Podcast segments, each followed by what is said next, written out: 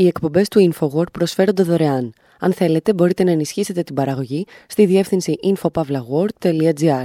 Η διεύθυνση infopavlagor.gr. Η εκπομπή InfoWord με τον Άρη Χατζηστεφάνου.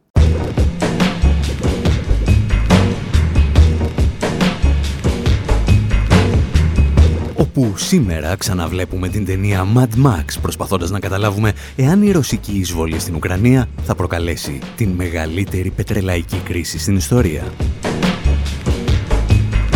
Παρακολουθούμε έναν Έλληνα από τα Κύθυρα να παρακολουθεί κάτι Αυστραλούς που έπαιζαν μπουνιές έξω από ένα βενζινάδικο τη δεκαετία του 70.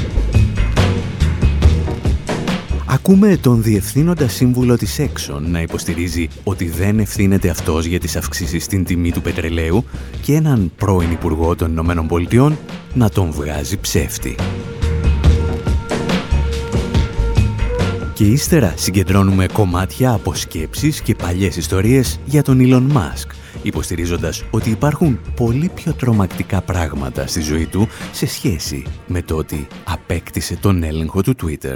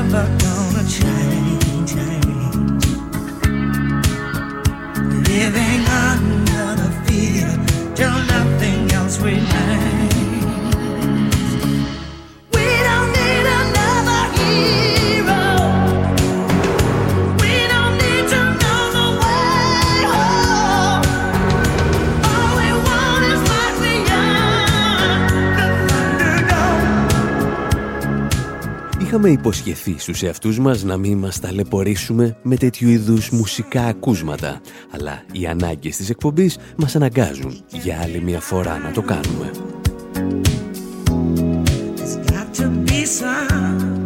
Γιατί το We Don't Need Another Hero είναι το γνωστότερο τραγούδι που μας άφησε μέχρι στιγμής η σειρά ταινιών Mad Max. Εδώ η Τίνα Turner τραγουδά και πρωταγωνιστεί στην τρίτη ταινία της σειράς.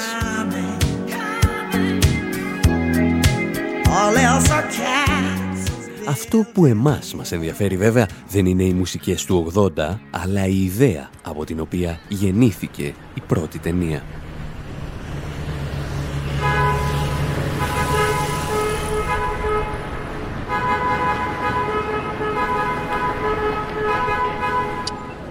Έχουμε επιστρέψει στο 1973 και στεκόμαστε έξω από ένα βενζινάδικο κάπου στην Αυστραλία.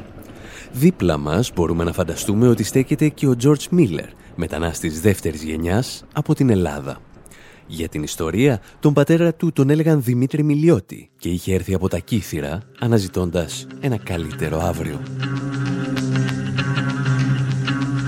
Η ουρά στο βενζινάδικό μας μεγαλώνει και σύντομα ξεσπούν και οι πρώτες αψιμαχίες μεταξύ των οδηγών που περιμένουν για ώρες για μερικά λίτρα βενζίνης. Λίγο αργότερα φτάνουν και οι πρώτες πληροφορίες ότι ομάδες νεαρών κλέβουν βενζίνη από παρκαρισμένα αυτοκίνητα για να μπορέσουν να κινήσουν τα δικά τους οχήματα. Το πρόβλημα δεν οφείλεται βέβαια σε κάποια απεργία των οδηγών βιτιοφόρων, αλλά σε έναν πόλεμο που έχει ξεσπάσει πριν από μερικούς μήνες στη Μέση Ανατολή.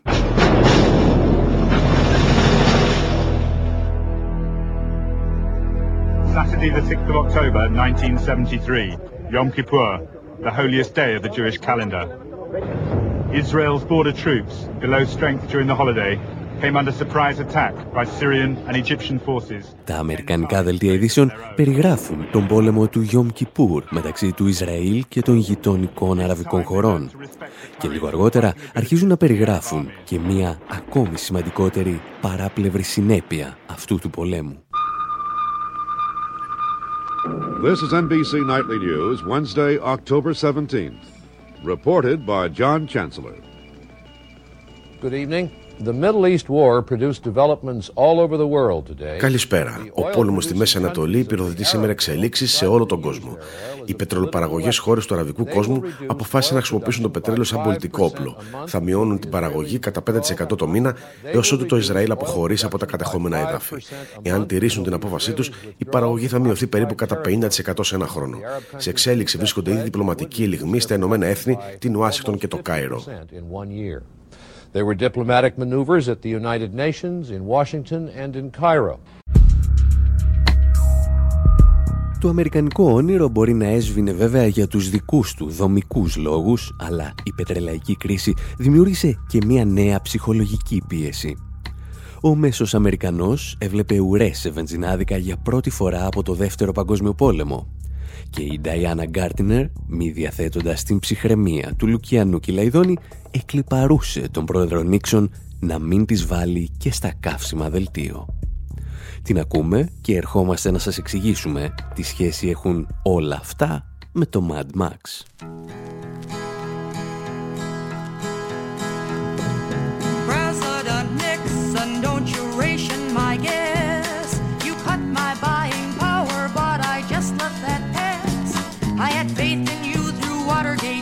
When you fired Cox.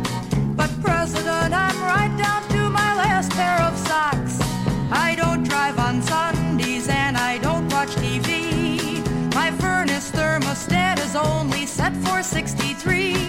I brush my teeth by hand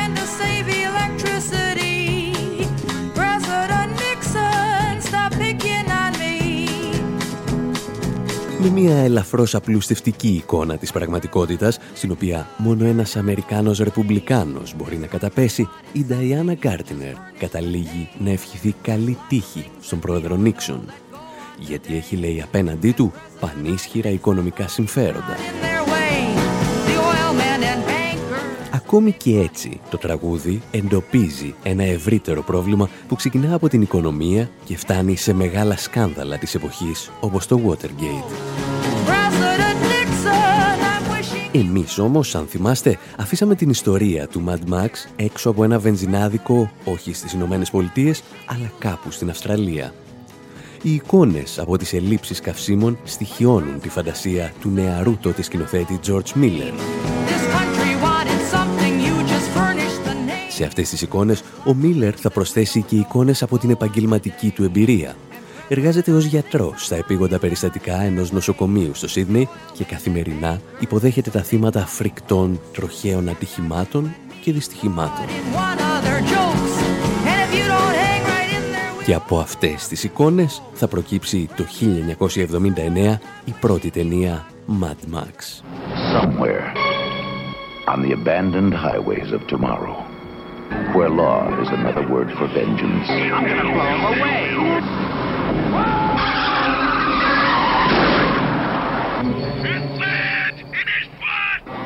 Where justice is a forgotten memory.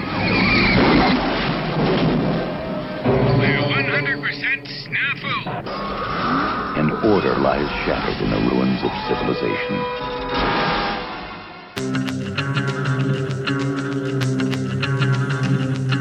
Η ταινία λοιπόν Mad Max αποτύπωσε ή τουλάχιστον συνέπεσε χρονικά με τη συλλογική ανησυχία μιας ολόκληρης κοινωνίας για τις αυξήσεις και τις ελλείψεις στα καύσιμα.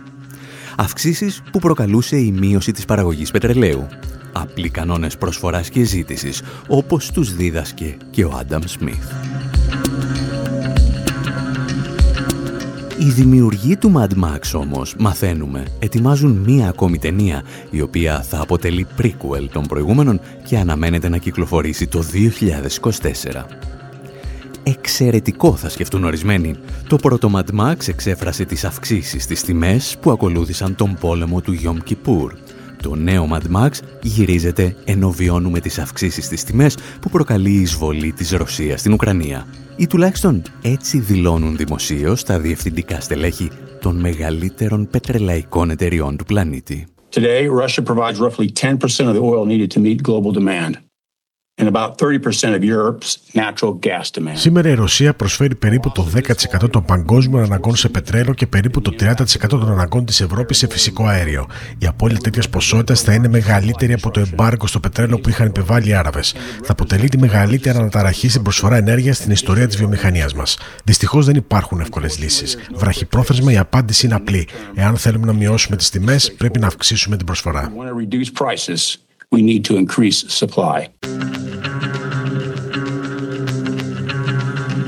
Ο κύριος που ακούσατε είναι ο Darren Woods, διευθύνων σύμβουλος της Exxon. Και τι καταλάβατε εσείς από όσα είπε, ότι η εισβολή της Ρωσίας στην Ουκρανία προκαλεί ελλείψεις στην αγορά ενέργειας που οδηγούν σε αύξηση των τιμών. Σωστά; Λάθος. Για την ακρίβεια, ο Darren Woods, χωρίς να πει κανένα ψέμα, είπε το αντίθετο της αλήθειας. Εάν διακοπτόταν η ροή ρωσικού πετρελαίου και φυσικού αερίου, οι επιπτώσεις θα ήταν πράγματι σημαντικές. Αυτό όμως είναι ακόμη ένα υποθετικό σενάριο.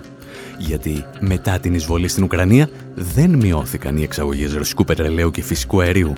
Αντιθέτως αυξήθηκαν και μαζί αυξήθηκε και η παγκόσμια παραγωγή γενικότερα. Αν όμως αυξάνεται η παραγωγή θα έπρεπε να πέφτουν οι τιμές οι οποίες όμως συνεχίζουν και αυτές να αυξάνονται. Στην ερώτηση γιατί συμβαίνει αυτό, η σύντομη απάντηση είναι ότι οι πετρελαϊκές εταιρείες παίρνουν χρήματα από την τσέπη μας και τα βάζουν στην τσέπη των μετόχων τους.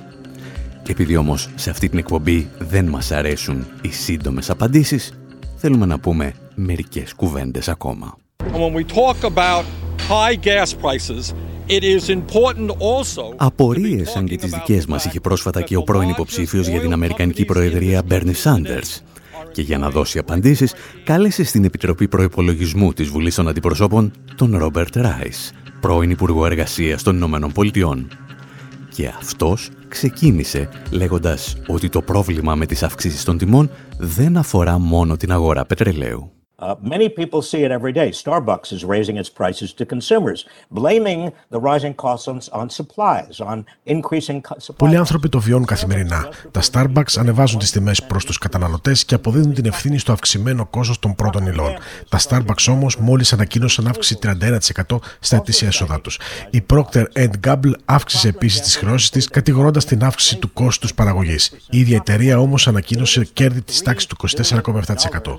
Επίσης το τελευταίο τελευταίο τέταρτο δαπάνησε 3 δισεκατομμύρια δολάρια για να αγοράζει τις δικές της μετοχές.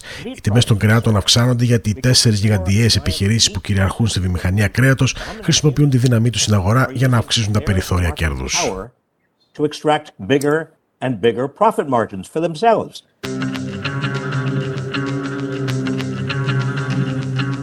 Σε όλες τις αγορές λοιπόν που κυριαρχούν ολιγοπόλια ή μονοπόλια, οι τιμές αυξάνονται, αλλά οι εταιρείες θησαυρίζουν, μετακυλίοντας το σύνολο του κόστους στους καταναλωτές.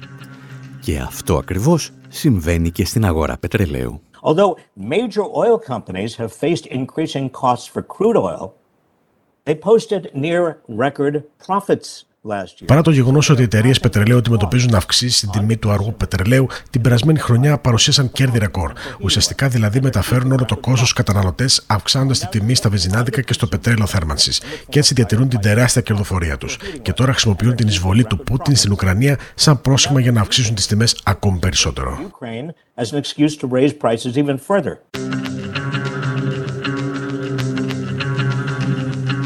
Ο πόλεμος λοιπόν στην Ουκρανία είναι προς το παρόν ένα πρόσχημα για τις αυξήσεις των τιμών. Αυτές οι αυξήσεις αποδίδονται σε αύξηση του κόστους, το οποίο μετακυλίεται ολόκληρο στους καταναλωτές. Παραμένει όμως το ερώτημα, γιατί θησαυρίζουν οι εταιρείες πετρελαίου; Αν απλώς μεταφέρουν το κόστος, θα έπρεπε να είναι ίσα βάρκα, ίσα νερά. Για να το εξηγήσουμε, θα πρέπει να παρουσιάσουμε δύο μηχανισμούς κερδοφορίας ή καλύτερα κερδοσκοπίας που λειτουργούν υποδειγματικά για τις εταιρείες πετρελαίου. Καταρχήν, εξηγούσε ο Ρόμπερτ Ράις, αγοράζουν τις μετοχές τους. The New York Times two weeks ago pointed out that corporate executives have spent recent earnings calls with Wall Street analysts bragging Οι New York Times ανέφεραν την περασμένη εβδομάδα ότι οι ανώτατα στελέχη εταιριών περηφανεύονταν για το γεγονός ότι βρήκαν τρόπους για να αυξάνουν τις τιμές των προϊόντων. Και ξέρετε τι κάνουν οι μεγάλες επιχειρήσεις με τα κέρδη ρεκόρ που συγκεντρώνουν. Αγοράζουν τις δικές τους μετοχές προκειμένου να προσφέρουν μεγαλύτερα κέρδη στους μετόχους τους. Η αγορά μετοχών από τις ίδιες εταιρείες έσπασε κάθε ρεκόρ τον περασμένο χρόνο. Και φέτος όλα δείχνουν ότι θα το ξεπεράσει. Μόνο οι εταιρείες πετρελαίου αναμένεται να αγοράσουν δικές τους μετοχές αξίας 22 δισεκατομμυρίων δολαρίων. The oil giants alone are planning to buy back at least 22 billion dollars of their own stock.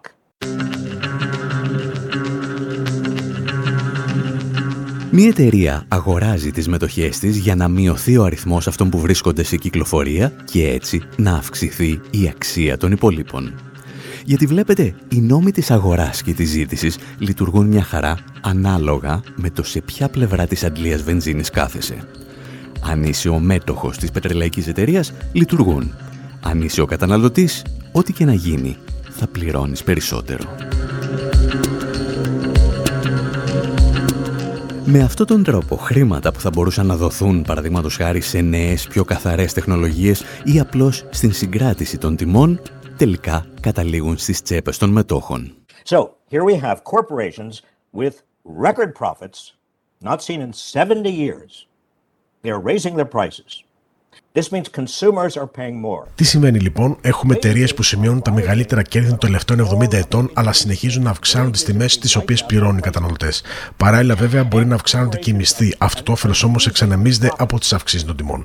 Την ίδια στιγμή οι εταιρείες χρησιμοποιούν τα κέρδη τους για να αγοράζουν τις μετοχές τους. Τι σημαίνουν όλα αυτά, ότι πολύ απλά έχουμε μεταφορά εισοδήματος από τα χαμηλότερα προς τα ανώτερα στρώματα. Τα χρήματα των εργαζομένων, οι οποίοι οριακά βγάζουν το μήνα, μεταφέρονται στου μετόχους. Οι μισοί από αυτούς τους μετόχους βρίσκονται ανάμεσα στο πλουσιό πλουσιότερο 1% του πληθυσμού, ενώ 8 στους 10 βρίσκονται ανάμεσα στο 10% των πλουσιότερων ανθρώπων της χώρας.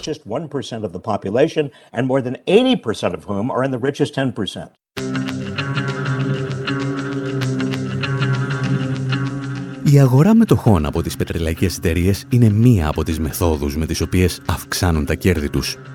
Ο άλλος τρόπος είναι η καθαρή κερδοσκοπία. Όπως εξηγούσε η εφημερίδα Guardian, μια ομάδα χρηματιστών που εργάζονται για λογαριασμό των μεγάλων πετρελαϊκών εταιριών είναι σε θέση να στερευλώνουν τις τιμές, καθώς δεν υπάρχει κανένας να τους ελέγξει. Η διαδικασία αυτή γιγαντώνεται τα τελευταία χρόνια καθώς οι χρηματιστές χρησιμοποιούν πλέον εφαρμογές τεχνητής νοημοσύνης οι οποίες αγοράζουν τεράστιες ποσότητες ενέργειας επιχειρώντας να αντλήσουν ακόμη και το μικρότερο ποσοστό κέρδος από κάθε συναλλαγή. Για την ιστορία, το πετρέλαιο που εμπορεύονται στις αγορές ενέργειας είναι πλέον 13 φορές περισσότερο από αυτό που πραγματικά υπάρχει. Και αυτό, αν δεν μας απατάει η μνήμη μας, λέγεται κερδοσκοπία σε συνθήκες φούσκας.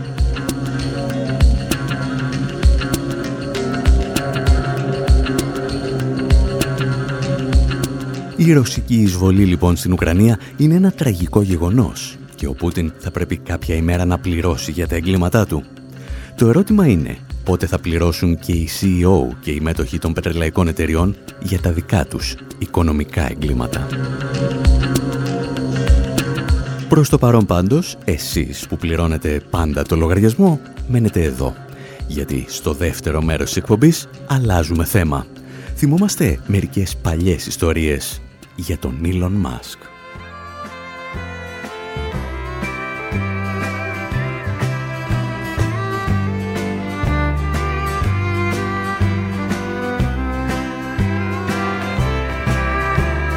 Back when gas was 30 cents a gallon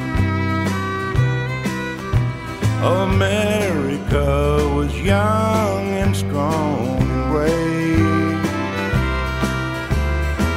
knows that I didn't have much money. And my old car had seen some better days. You were young and fresh as brand new roses. I was so in love and strong and brave.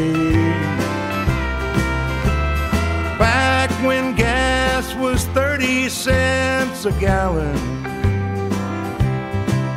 and love was only 60 cents away. I don't think I'd know you if I'd see you.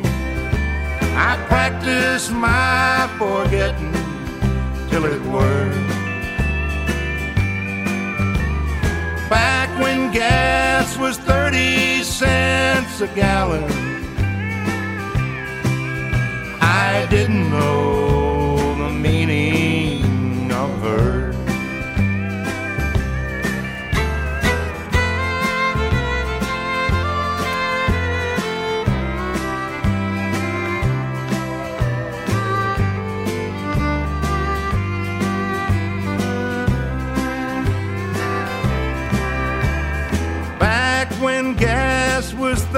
cents a gallon and sweet magnolias line those country roads. We burned a tank of love most every weekend. And on work days, I helped them fix the road. Our friends certain. Whoever thought we'd go our separate ways? Back when gas was 30 cents a gallon and love was only 60 cents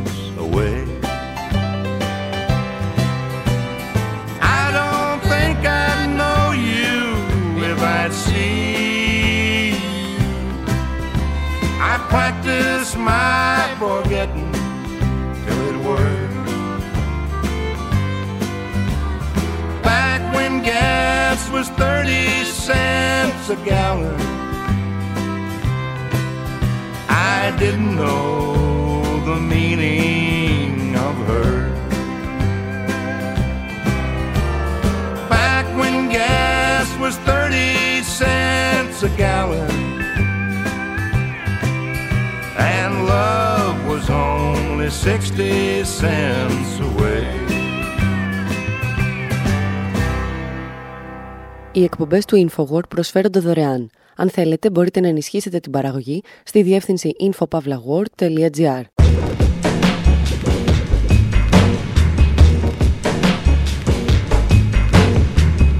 Εκπομπή Infowar, μέρος δεύτερο. Όπου με αφορμή την απόκτηση του Twitter από τον Elon Musk, εμείς δεν λέμε τίποτα για το θέμα. Αφήνουμε κατά μέρος τη συζήτηση για τις επιπτώσεις που θα έχει στην ελευθερία του λόγου και αναρωτιόμαστε μήπως το πρόβλημα είναι ακόμη πιο βαθύ. Σκεφτόμαστε τι σημαίνει να ζεις σε ένα οικονομικό σύστημα όπου ο πλουσιότερος άνθρωπος του κόσμου διοικούσε για σχεδόν 15 χρόνια μια ζημιογόνο εταιρεία, την οποία πλήρωναν φορολογούμενοι από όλο τον κόσμο. Λέμε μερικές κουβέντες για τις πολιτικές πεπιθήσεις του Elon Musk και τους ακροδεξιούς πολιτικούς που χρηματοδοτεί και σκεφτόμαστε εάν είχαν δίκιο οι New York Times όταν τον αποκαλούσαν τον Donald Trump της Silicon Valley.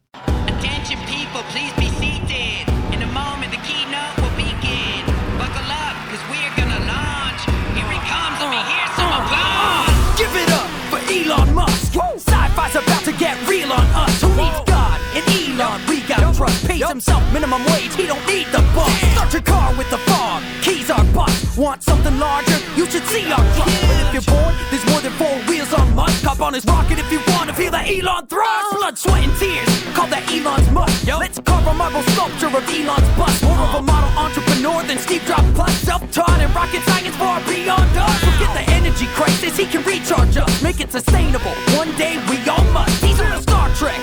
Scotty beam on out. But what's the deal with Neil? he lost touch. Commercialized space, what a terrible thing. Space exploration is America's thing. But he's advancing humanity for when our planet is long gone. Yeah. Sorry, your argument has weak legs, Armstrong. Musk is the future, you know it's true. You'll never bring him down, he's so over the moon. Real talk, what planet is Neil on? No clue, but you can thank Elon. On the winds of the valley.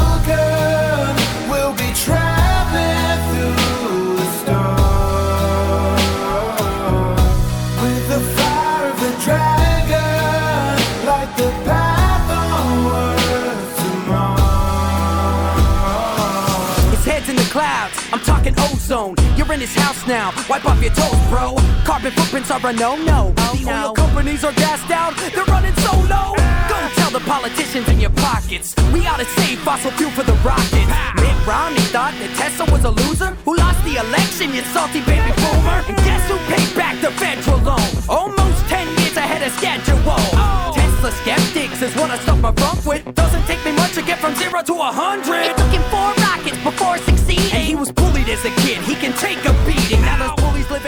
Ο JT Music γράφει μία οδή για τον νότιο-αφρικανό επιχειρηματία Elon Musk. Ένα τραγούδι με τόσους τόνους σάλιου που θα έκαναν ακόμη και τους τροβαδούρους της Μεγάλης Εκατερίνης να κοκκινήσουν από ντροπή. This ain't about the game of paychecks. Forget PayPal. Take Όταν βέβαια συζητάμε για κολακίες προς τον Elon Musk, κανένας δεν τα καταφέρνει καλύτερα από τον ίδιο.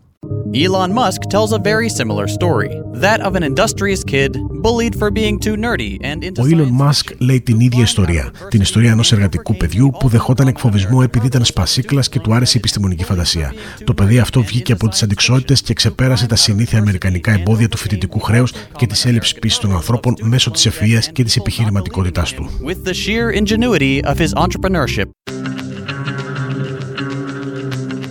Αν ακούσετε τον Μάσκ να μιλά για αρκετή ώρα για τα παιδικά του χρόνια, ίσως καταλήξετε να πιστεύετε ότι γεννήθηκε σκλάβος κοντά σε κάποιο ορυχείο κοβαλτίου στο Κονγκό και μέχρι τα 10 του χρόνια έσκαβε για να βγάζει σπάνιες γέες από το έδαφος.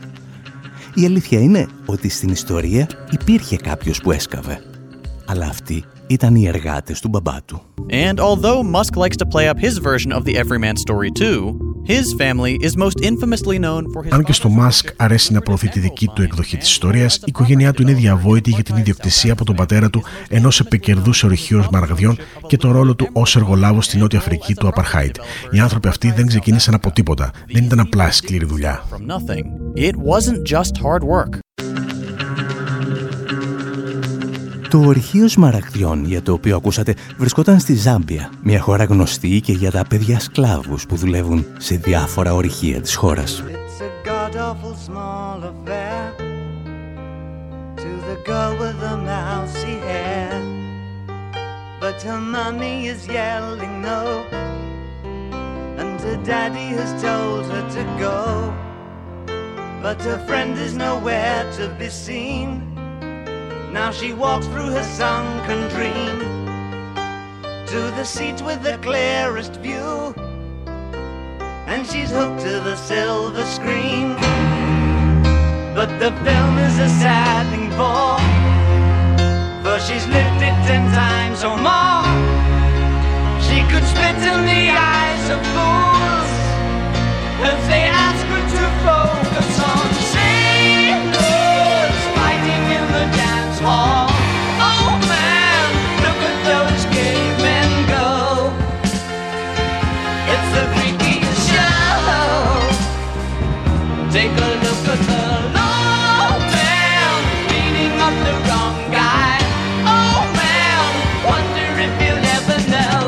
Ο David Bowie τραγουδά το Life on Mars, η ζωή στον Άρη. Και μη μας ζητήσετε να εξηγήσουμε τους στίχους, γιατί ακόμη και το BBC έχει υποστηρίξει ότι θυμίζουν κάτι ανάμεσα σε musical και έναν πίνακα του Νταλή. Όλοι δηλαδή, θα λέγαμε εμείς, μπορούν να τον θαυμάσουν, χωρίς να είναι σίγουροι τι βλέπουν. Το μόνο βέβαιο είναι ότι το τραγούδι βγάζει μια βαθιά μελαγχολία για ανθρώπους που δεν κατάφεραν τους στόχους που είχαν θέσει. Και μια τέτοια μελαγχολία πρέπει να έζωσε και τους απανταχού οπαδούς του Elon Musk, όταν οι New York Times τον χαρακτήρισαν τον Donald Trump της Silicon Valley. Ο συντάκτης του κειμένου δεν αναφερόταν στις πολιτικές πεπιθήσεις του Elon Musk, αλλά στην αποτυχία των επιχειρήσεών του και στην εξάρτησή του από τη βοήθεια του κράτους. Κυρίως όμως αναφερόταν στις υποσχέσεις που δεν μπορούσε να κρατήσει. Ορισμένες κατηγορίες που μπορεί να κάνουν ακόμη και τον πιο κοινικό entrepreneur να τεινάξει τα μυαλά του στον πλησιέστερο τοίχο. But the electric car maker also reported its third quarter loss has widened to 110.8 million dollars from 65.1 million. Τα αμερικανικά μέσα ενημέρωσης τα τελευταία χρόνια δεν προλάβαιναν να μετράνε τις ζημιές της Τέσλα, της εταιρείας των υπερπολιτελών ηλεκτρικών αυτοκινήτων η οποία είχε δανειστεί παρεπιπτόντος και μισό δισεκατομμύριο δολάρια από το Υπουργείο Ενέργειας των Ηνωμένων Πολιτειών. Το μεγαλύτερο πρόβλημα ήταν ότι και η πρόσκαιρη επιτυχία που σημείωσε στις πωλήσεις οχημάτων οφείλονταν στην παρέμβαση του κράτους που προσέφερε φοροελαφρύνσεις στην αγορά των Τέσλα. Δηλαδή, οι φορολογούμενοι πρημοδοτούσαν την απόφαση των πλουσιότερων συμπατριωτών τους να αγοράσουν οικολογικά αυτοκίνητα αξίας 80.000 δολαρίων. Είναι χαρακτηριστικό ότι στο Χονγκ Κονγκ όταν σταμάτησαν ευνηδιαστικά οι κρατικές ενισχύσεις, οι πωλήσεις των Τέσλα έπεσαν από τα 2.939 οχήματα στα 0. Και αν αυτό δεν ονομάζεται κρατικοδίαιτος καπιταλισμός, εμάς να μας φτύσετε, εάν μας βρείτε. Παρόμοιες ενισχύσεις εκατομμυρίων δολαρίων όμως λάμβανε ο Elon Musk και για το διαστημικό πρόγραμμα της εταιρείας του SpaceX. Αυτό που θα μας στείλει στον Άρη. Another successful launch for SpaceX early this morning. It launched a top secret satellite for the US government. Η CIA έδειξε από πολύ νωρίς ενδιαφέρον για τη δουλειά του Elon Musk και όπως ακούσατε ακολούθησε και το Πεντάγωνο. Τον μεγαλύτερο λογαριασμό όμως τον πλήρωσε η NASA που του παρήχε δωρεάν εγκαταστάσεις εκατομμυρίων δολαρίων πάντα των Αμερικανών φορολογούμενων. Αν όμως σε πληρώνει το Υπουργείο Ενέργειας, το Υπουργείο Άμυνας, οι μυστικές υπηρεσίες και άλλοι οργανισμοί των Ηνωμένων Πολιτειών και εσύ συνεχίζεις να παρουσιάζεις ζημιές, μήπως, μήπως δεν είσαι και ο πλέον επιτυχημένος επιχειρηματίας στον πλανήτη; Εμάς πάλι δεν μας απασχολεί μόνο ποιος πληρώνει τον Elon Musk, αλλά και ποιους πολιτικούς πληρώνει αυτός. Ιστορίες για να έχουμε να λέμε, ύστερα από ένα μικρό διάλειμμα.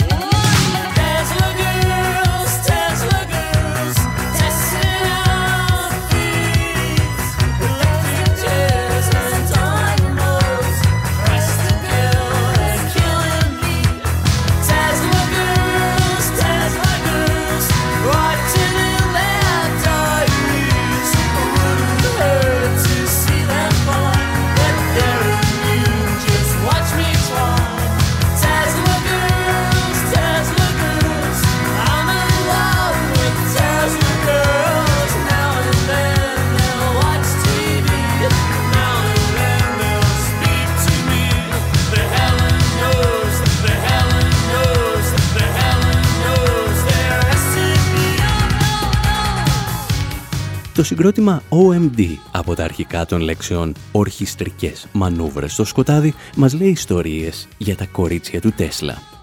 Μια αναφορά στον μεγάλο εφευρέτη Νίκολα Τέσλα που μας έδωσε τις γνώσεις του για τον ηλεκτρισμό.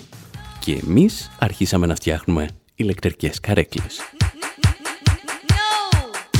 Για την ιστορία, το όνομα του Τέσλα είναι ένα ακόμη από αυτά που κινδυνεύουν να χαθούν στις πίσω σελίδες της Google, όπως και ο Starman του David Bowie. Γιατί ο αλγόριθμος της Google θεωρεί δεδομένο πως αν γράφεις Tesla θέλεις να μάθεις κάτι για την εταιρεία του Elon Musk και όχι για έναν από τους μεγαλύτερους επιστήμονες της ιστορίας. Εμάς πάλι σε αυτό το σημείο μας ενδιαφέρει πραγματικά ο Elon Musk και κυρίως οι σχέσεις του με την πολιτική. Ίσως όσοι ασχολείστε με τον εν λόγω κύριο να τον έχετε ακούσει να δηλώνει σοσιαλιστής, αλλά με έναν τρόπο ελαφρώς εριστικό. Όταν τον ρωτούν, απαντά ότι βρίσκεται ανάμεσα στους Ρεπουμπλικάνους και τους Δημοκρατικούς. Μπορούμε δηλαδή να τον φανταστούμε σαν ένα δικέφαλο τέρας, με χαρακτηριστικά από τον Ντόναλτ Τραμπ και την Χίλαρη Κλίντον. Και για να το επιβεβαιώσει, ο ίδιος χρηματοδοτεί εδώ και χρόνια και τα δύο κόμματα. Έχει όμως μια ελαφρά προτίμηση προς τους ακροδεξιούς ρεπουμπλικάνους. Ένας από τους πολιτικούς που ενισχύθηκαν από τα ταμεία του ήταν ο ακροδεξιός γερουσιαστής Μάρκο Ρούμπιο. Και επειδή το όνομα μπορεί να μην σας λέει τίποτα, ρωτήσαμε τον οικονομικό και πολιτικό αναλυτή Μάρκ Βάισμπροτ τι κουμάσι είναι αυτός ο Ρούμπιο; Και ο Βάισμπροτ μας θύμισε ότι είναι ο πρωταγωνιστής των προσπαθειών για την πραγματοποίηση ενός πραξικοπήματος στη Βενεζουέλα. First of all, most people don't know this, but there were actual U.S. State Department documents from the 2002 coup that admitted that the U.S. actually paid Οι περισσότεροι δεν το γνωρίζουν, αλλά υπάρχουν έγγραφα στο State Department από το πραξικόπημα του 2002 που αποδέχονται ότι η ΕΠΑ πλήρωσε και προσέφερε άλλου είδους βοήθεια σε άτομα και οργανώσεις που συμμετείχαν στο πραξικόπημα. Ο ρόλος τους έχει καταγραφεί σε έγγραφα. Συμμετείχαν ενεργά στο πραξικόπημα. Δεν το στήριξαν απλώς σε συνέχεια. Τώρα είναι ακόμα πιο ξεκάθαρο. Ο Υπουργός Εξωτερικών πήγε στη Λατινική Αμερική το τελευταίο διάστημα και κάλεσε το στρατό της Βενεζουέλας να ανατρέψει την κυβέρνηση. Ο γερουσιαστή Μάρκο Ρούμπιο είπε κάτι σχετικό. Και αυτοί είναι οι άνθρωποι που καθορίζουν την πολιτική για τη Βενεζουέλα, ειδικά ο Ρούμπιο that are really deciding this policy, especially Rubio. Για την ιστορία, ο Υπουργός Εξωτερικών, στον οποίο αναφερόταν ο συνομιλητής μας, ήταν ο Ρεξ Τίλερσον, για τον οποίο ο Έλλον Μάσκ είχε εκφράσει απεριόριστο θαυμασμό. Ο Μάρκο Ρούμπιο, από την άλλη, για τον οποίο ακούσατε, είχε κερδίσει τη θέση του γερουσιαστή με τη στήριξη του ακροδεξιού μορφώματος του Tea Party. Επίσης, έχει υπάρξει ένθερμος υποστηρικτής της Αμερικανικής εισβολής στο Ιράκ, αλλά και των στρατιωτικών επιχειρήσεων της Σαουδικής Αραβίας εναντίον της Ιεμένης. Των επιχειρήσεων δηλαδή που οδήγησαν σε μία από τις μεγαλύτερες ανθρωπιστικές κρίσεις της σύγχρονης ιστορίας. Παράλληλα, ο Ρούμπιο στήριζε με όλες του τις δυνάμεις την ενίσχυση Ισλαμιστών, Σουνιτών μαχητών μέσα στη Συρία. Είναι δηλαδή ένας μικρός Μακιαβέλη ή αν προτιμάτε μια καρικατούρα του Χένερ Κίσιγκερ. Και ο Έλλον Μάσκ είχε και άλλους αγαπημένους ρεπουμπλικάνους. Αρκετοί από δάφτους μάλιστα είναι φανατικοί πολέμοι του περιβάλλοντος, το οποίο ο Μάσκ υποτίθεται ότι γεννήθηκε για να προστατεύσει. Για να προωθήσει τώρα το διαστημικό του πρόγραμμα στην Ουάσιγκτον, ο Έλλον Μάσκ προσέλαβε ως λομπίστα τον πρώην γερουσιαστή Τρέντ Λότ, το πρόβλημα εδώ είναι ότι ο Λότ είχε αναγκαστεί να εγκαταλείψει την πολιτική επειδή στήριζε δημόσια την περίφημη Dixieland, δηλαδή τον θεσμοθετημένο ρατσισμό του Αμερικανικού Νότου. Εκεί που όχι και τόσο παλιά είχαν κάτι σκλάβους. Για να μην σας παιδεύουμε, είναι ό,τι πιο κοντά στην Ku Klux Klan μπορεί να φανταστεί κάποιος μετά τον πρόεδρο Τραμπ.